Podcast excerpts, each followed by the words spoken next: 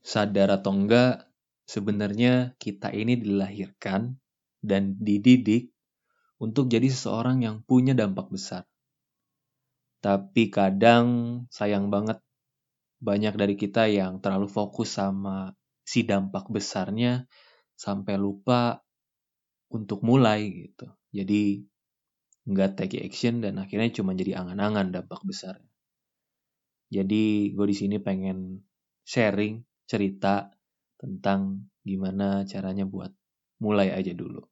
Tapi nggak disponsorin Tokopedia ya. so, selamat datang di Posko Suara Hati.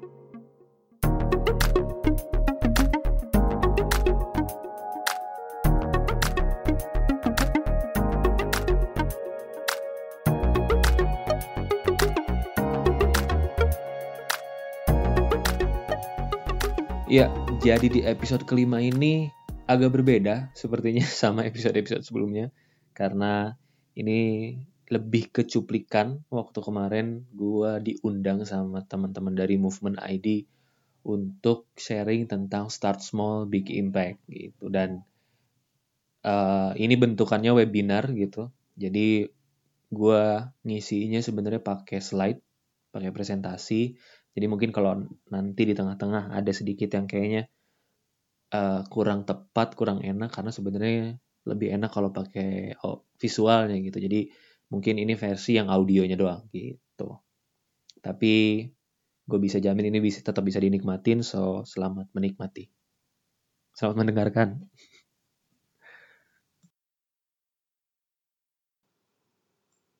Nah, penasaran banget nih Kak Juna kira tuh start small big impact apa sih maksudnya?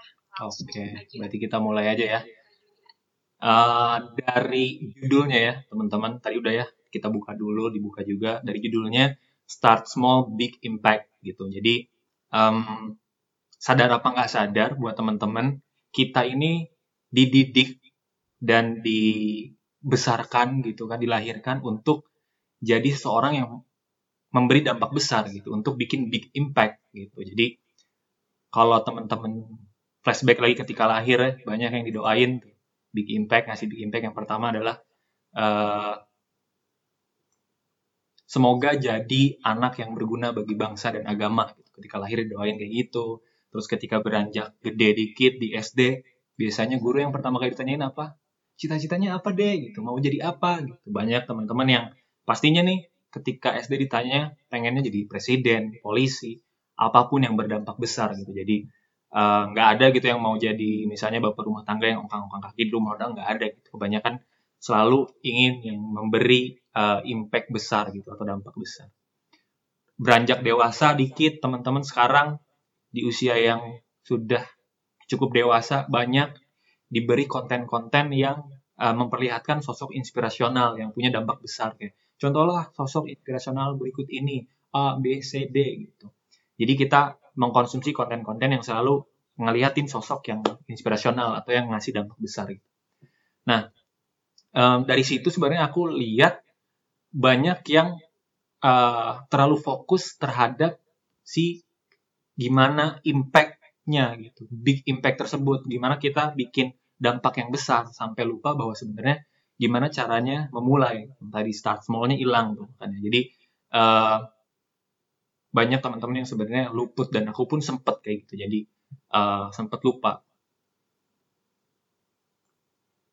tapi balik lagi apa yang sebenarnya uh, big impact atau dampak besar yang sebenarnya teman-teman uh, canangkan gitu itu beda-beda tiap orang ada mungkin buat si A big impact atau dampak besar yang dia pikirin adalah gimana caranya kotak saya bisa selangkah lebih maju bisa selangkah lebih ke depan di hal uh, informasi dan teknologi misalnya untuk di daerah-daerah timur Indonesia timur sana. Atau mungkin buat si B bahkan lebih besar lagi gitu.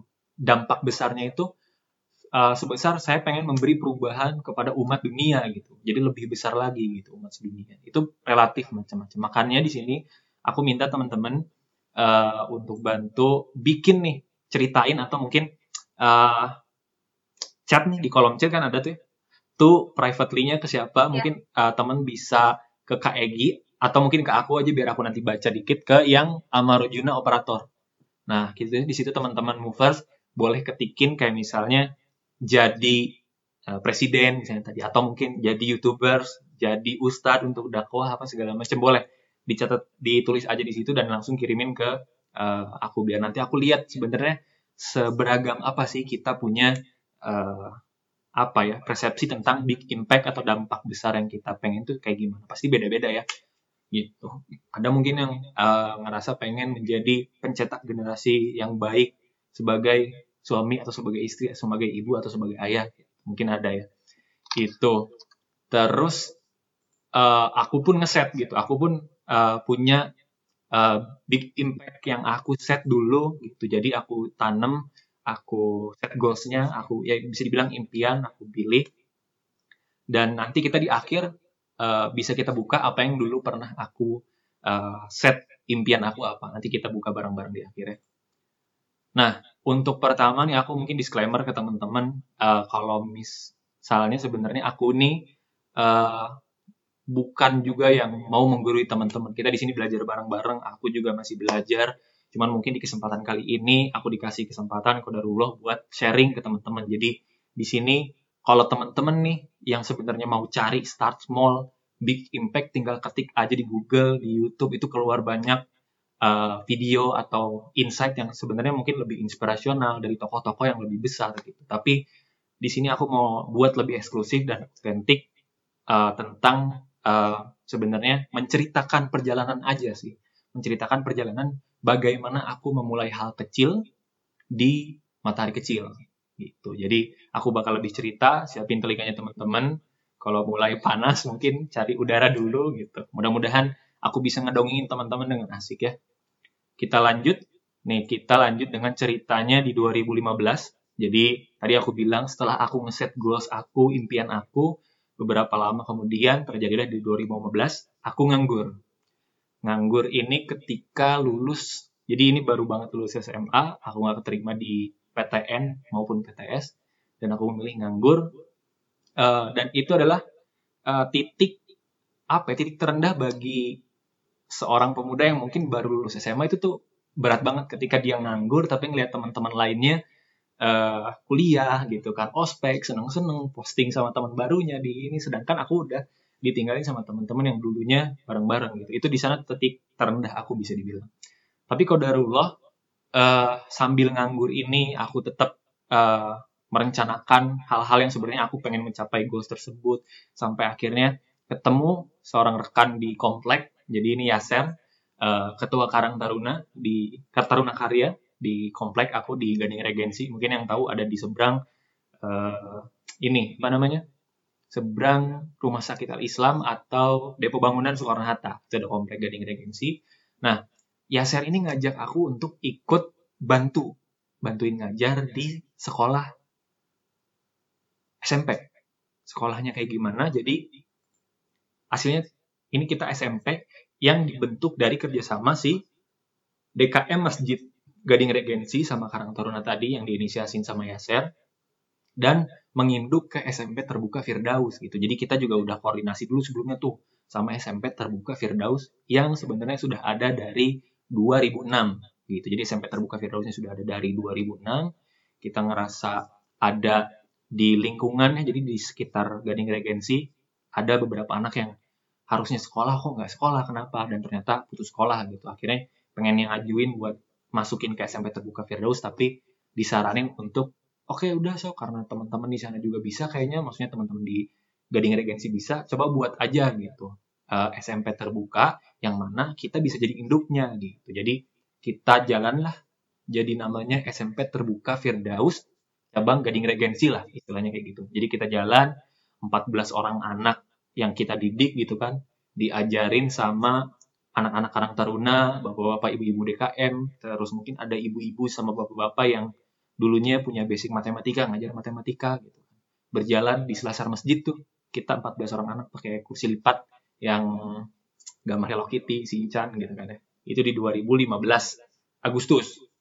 Nah, uh, tapi buat teman-teman yang bingung sebenarnya SMP terbuka itu apa? Sebenarnya kalau teman-teman searching banyak juga penjelasannya. Jadi uh, waktu itu SMP terbuka adalah program pemerintah hasil kerjasama Kemendikbud Pemprov Jabar yang tujuannya mengurangi angka putus sekolah di Jawa Barat.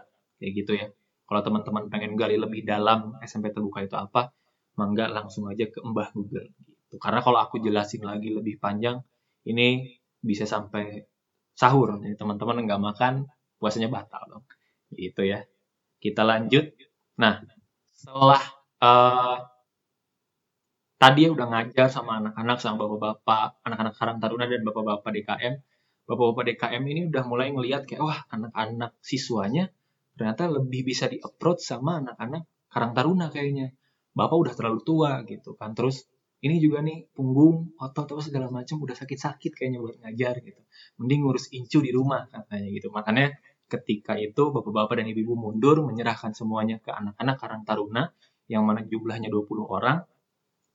Uh, dan itu kondisinya berjalan lancar ketika karena Agustus tuh um, musim kenaikan, kenaikan dan perpindahan semester. Jadi anak Karang Taruna yang ngajar masih full. Berbeda kondisinya ketika sudah masuk musim kuliah, musim kuliah uh, banyak yang berguguran. Kayak contohnya ini, nih salah satu teman kita sebut aja Coki namanya. Ada yang tahu mungkin nama panjang Coki ini apa? Ini si Coki yang ini. Ada yang tahu? Jadi nama panjangnya bukan, bukan Ciko, Coki Sitohang, tapi Coki-Coki coklat asli. Iya, yeah. receh ya. Oke, okay. jadi si Coki-Coki coklat asli ini, salah satu anak-anak taruna, bilang kalau misalnya, aduh punten eh, ngurus masa depan sendiri aja orang masih riweh gitu. Belum S1 aja belum lulus nih, apalagi harus ngurung harus ngurus masa depan 14 orang anak gitu kata si Coki-Coki coklat asli. Makanya dari situ berguguran lah uh, teman-teman kita dari Karang Taruna sampai akhirnya sisa empat orang. Ada aku, Yaser tadi, Raffi dan Levin. Nah, uh, dari situ berjalan, kita bingung gimana caranya ngelanjutin ini sekolah. Nggak mungkin kita empat orang ngajar terus dari Senin sampai Sabtu ngajar terus. Makanya kita mikir muter otak gimana caranya dan uh, dibantu beberapa teman lainnya juga di luar empat orang itu yang mungkin sudah terjun lama ke dunia pendidikan akhirnya kita tercetus buat bikin voluntary teaching. Jadi sistem pengajar relawan yang kita terapin di SMP terbuka Firdaus cabang Gading ini dan kita butuh 20 orang pengajar sesuai anak karang tadi ya karena kita butuh anak muda gitu yang bisa jadi relawan. Kita butuh 20 orang anak, kita sebarin waktu itu bikin poster sesederhana mungkin karena kita butuh cepat sekolah bakal terus jalan. Kita share lewat Instagram, Line dan waktu itu masih zamannya pet. Kita share dari kita butuh 20 orang pengajar ternyata yang yang daftar mencapai 264 wow kita juga waktu itu kaget kenapa bisa gitu sebanyak ini kita cuma butuh 20 tapi bahkan 10 kali lipatnya bisa orang uh, daftar gitu kan dan mostly ketika ditanya um, banyak dari mereka yang pengen berbuat baik tapi nggak tahu wadahnya gitu. Uh, sehingga mereka ngerasa ini wadah yang cocok. Dan waktu itu kondisinya kan kita berempat nih belum lulus kuliah juga, apalagi aku sama Raffi nih seorang pengangguran dari SMA yang nggak ngerti apa-apa istilahnya gitu ya, apalagi masalah ngurusin sistem pendidikan gitu. Tapi berjalan dari situ kita nggak ngerasa sebagai kita yang lebih dahulu, terus teman-teman volunteer kita karena relawan dah kalian rela aja kita suruh ngapain-ngapain enggak tapi kita bareng-bareng uh, ngurusin uh, sekolahnya segala macam sehingga sampai di April 2016 kita setuju untuk membuat sebuah nama gitu kita deklarasiin bahwa kita nih punya brand kita nih punya identitas dengan nama Matahari Kecil gitu. Kenapa namanya Matahari Kecil? Karena uh, sesuai uh, artinya matahari yang punya banyak manfaat ke banyak orang, ke bumi segala macam, tapi kecil. Kenapa kecil? Karena kita percaya untuk berbuat baik itu nggak harus nunggu jadi besar, nggak harus nunggu jadi S1 dulu kayak si coki-coki coklat asli, nggak harus nunggu dulu jadi S3, nggak harus nunggu dulu orang punya duit banyak baru bisa uh, berbuat baik gitu. Kita ngerasa bahwa berbuat baik itu bisa di mana aja, siapa aja, sebesar apa pun gitu, sekecil apa pun itu bisa buat buat baik. Jadi kita percaya itu. Nah, itu mungkin awal uh, kenapa bisa terbentuknya matahari kecil dan kalau aku jelasin uh, seterusnya gitu ya uh, perkembangannya Macil sampai sekarang akan sangat panjang makanya aku mungkin uh, simpelin aku mungkin bentuk sederhana mungkin aku taruh di sini perjalanannya dari yang awalnya. Kita mulai kecil dulu empat orang anak yang nggak ngerti apa-apa tapi pengen bantu aja niatnya. Empat orang anak ini sekarang jadi empat orang ini ya maksudnya yang ngurusin materi kecilnya. 14 orang ini sekarang udah jadi 1400 lebih. Yang awalnya kita mulai di Bandung di sini doang. Uh, akhirnya sekarang alhamdulillah udah ada di Jakarta juga. Dan mudah-mudahan minta doanya teman-teman kita pengen ekspansi juga di beberapa kota lainnya karena udah ada beberapa DM masuk masuk masuk ke Instagram kita kak tolong dong di Malang buka materi kecil kita juga ada kondisi kayak gini kak buka dong di Aceh kak buka dong di Medan banyak teman-teman yang nge-DM kayak gitu makanya dari situ yang awalnya kita komunitas kita ngerasa perlu legalitas lebih uh, jelas di mata hukum. Makanya kita bentuk sekarang udah jadi yayasan. Jadi matahari kecil udah jadi yayasan. Satu lagi success story dari yang udah kita jalanin, ada satu orang siswa kita yang angkatan pertama, Rehan. Rehan ini ikut lomba pidato mengenai Jepang. Gitu. Lawannya bukan anak SMP terbuka lagi, tapi beneran sekota Bandung. Sekota Bandung lawan SMP-SMP negeri lainnya dan uh, hebatnya Rehan menang juara satu gitu kan kita ngerasa hebat nih ternyata memang anak-anak kita juga punya potensi dan kita cuma ngerasa oke okay, menang juara satu tapi ternyata itu adalah uh, lomba yang diadain dari sister city-nya kota Bandung sama kota Hamamatsu di Jepang dan yang juara satunya diundang ke Jepang selama satu minggu untuk bawa budaya Indonesia. Akhirnya Rehan ke Jepang selama satu minggu. Ini fotonya uh, walaupun agak mirip taman bunga di ini ya di Bogor ya. Tapi ini beneran di Jepang jadi waktu itu Rehan datang ke sana bawa budaya Indonesia juga bawa pencak silat Rehan ke sana untuk ketemu langsung sama wali kota Hamamatsunya jadi tamu kehormatan. Dan ini langsung aku ambil dari Instagramnya Matahari Kecil. Gitu.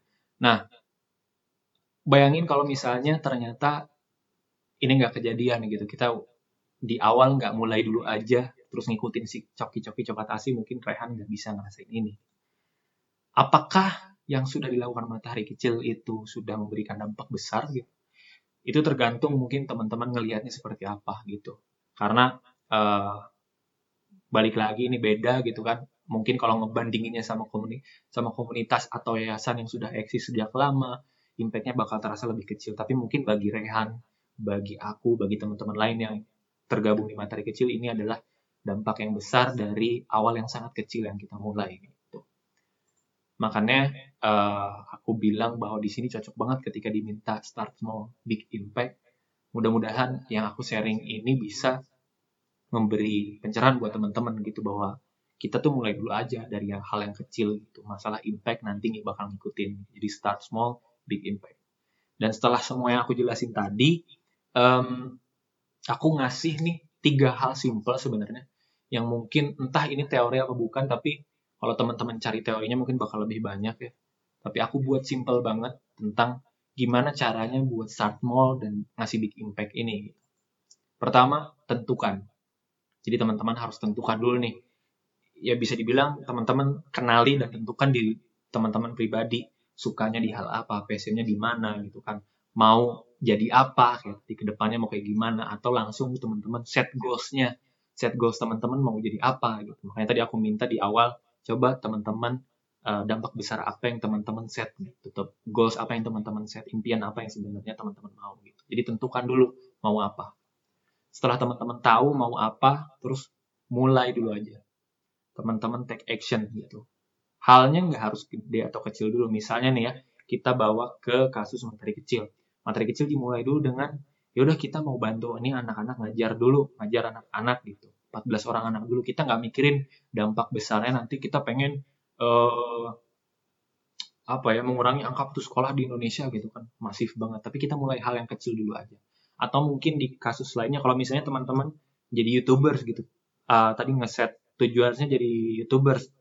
Uh, ngeset goalsnya jadi youtubers teman-teman bisa mulai dulu aja dengan HP dulu aja bikin video uh, konten bikin apa segala macam nggak harus dengan uh, set up yang uh, edan gitu misalnya pakai lighting pakai kamera yang bagus pakai mikrofon yang bagus gitu. teman-teman mulai aja Kenapa mulai aja? Karena di tahap selanjutnya adalah teman-teman pahami nih, teman-teman pahami. Yang mana sebenarnya aku pers persederhanain ini aku sederhanain, pahami ini sebenarnya luas banget artinya. Yang mana bisa dibilang mungkin uh, kalau ada ilmu manajemen tuh ada yang namanya POAC ya, POAC, uh, planning, organizing, actuating, controlling. Nah, ini di teman-teman di, di masukin di tahap memahami ini. Jadi ketika teman-teman sudah memulai, pahami nih, lihat sekitarnya sebenarnya apa yang sudah teman-teman lakukan, bisa nggak nih mencapai jadi stepping stone untuk ke goals yang teman-teman pengen capai gitu. Sudah berjalan baikkah apa belum? Di kasusnya matahari kecil. Ternyata ketika kita ngejalanin, oh eh, volunteer ini karena asas kevoluntiran sukarela. Jadi di tengah-tengah tuh banyak di tengah-tengah periode mereka mengabdi ada yang mereka tiba-tiba cabut nggak ada nggak ada kabar nggak ada ini. Makanya kita ngerasa oh ada yang salah nih. Oke kita evaluasi gimana caranya kita hubungin teman-teman yang mungkin punya uh, background di cara mengorganize people gitu kan manajemen people apa segala macam kita kontak untuk uh, terus uh, bikin kita semakin paham sama itu atau mungkin di di kasus tadi yang youtuber teman-teman cari algoritma tentang YouTube kayak gimana semakin apa semakin teman-teman memulai dan jalan uh, sambil juga teman-teman cari tahu sebenarnya uh, kamera yang bagus, cara ngakalinnya kayak gimana, lighting yang bagus kayak gimana. Itu jadi di antara yang pertama tentukan dulu goalsnya, terus mulai dulu aja, masuk dulu ke dunianya, baru teman-teman pahami. Gitu. Bisa juga nih, uh, ini khusus buat angka nomor 1 sama 2, mungkin ada beberapa orang yang pengen mulai dulu, mulai dulu baru bisa nentuin gitu. Jadi boleh teman-teman mulai dulu, baru sambil ngerasain dan mahamin, baru tentukan ini mau dilanjut apa enggak kayak gitu. Nah, dari ketiga ini sebenarnya kalau udah dijalanin tapi goal sama impact yang nggak kecapai gimana gitu. Apa yang salah gitu. Jawabannya adalah kalem aja. Allah itu punya skenario terbaik gitu istilahnya. Kenapa aku bisa bilang kayak gitu? Karena aku juga ngalamin kalau teman-teman tahu aku nih nge-set goalsnya tadi yang sebelum aku nganggur aku punya goals punya impian yang sebenarnya jauh dari yang sekarang. Set goals aku waktu itu adalah aku pingin masuk FSRD dan jadi desainer. Entah itu desainer visual, entah itu desainer uh, produk desainer apa pun. Aku pengen ke sana, cuman tadi lagi tidak berjalan dengan baik. Jadi sebelumnya aku udah mati-matian, uh, udah ngerasa gimana pun caranya aku harus masuk FSRD gitu kan. Udah ikhtiar, udah tawakal tapi nggak masuk gitu. Dan di situ makanya aku tadi sempat bilang aku down di 2015 tapi balik lagi aku se baik sorry sebelumnya aku ngerasa ketika itu Allah itu nggak adil gitu karena uh, di kondisi itu banyak teman-teman aku yang sama sekali nggak berikhtiar dan nggak bertawakal tapi justru masuk. Sedangkan aku yang udah berikhtiar udah tawakal tapi kok nggak masuk gitu. Aku sempat ngerasa Allah tuh nggak adil pada waktu 2015 tapi balik lagi Allah adalah uh, pencipta skenario terbaik. Sampai akhirnya Kodarullah ketemu Yaser ketemu matahari kecil ketemu teman-teman lain di matahari kecil.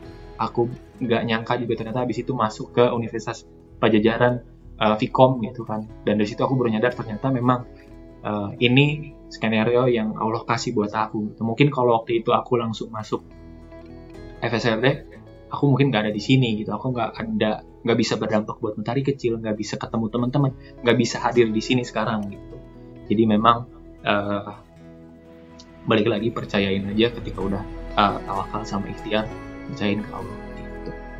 jadi terakhir adalah buat teman-teman mulai dulu aja sambil ikhtiar dan tawakal kalau dampak besar yang kita impikan gak terwujud tenang Allah adalah sebaik-baiknya penulis skenario gitu jadi kayaknya udah gitu aja uh, salam sayang dariku untuk kalian pemuda yang akan memulai impian besar. Terima kasih. Wassalamualaikum warahmatullahi wabarakatuh. Masya Allah. Makasih banyak ya Kak Juna. Thank you juga. Kita hari ini dapat booster banget nih teman-teman ya. Jadi kadang kalau misalnya kita punya banyak impian tapi nggak mulai, sama aja bohong gitu ya. Nah makanya alhamdulillah nih selagi kita ketemu Kak Juna eksklusif gitu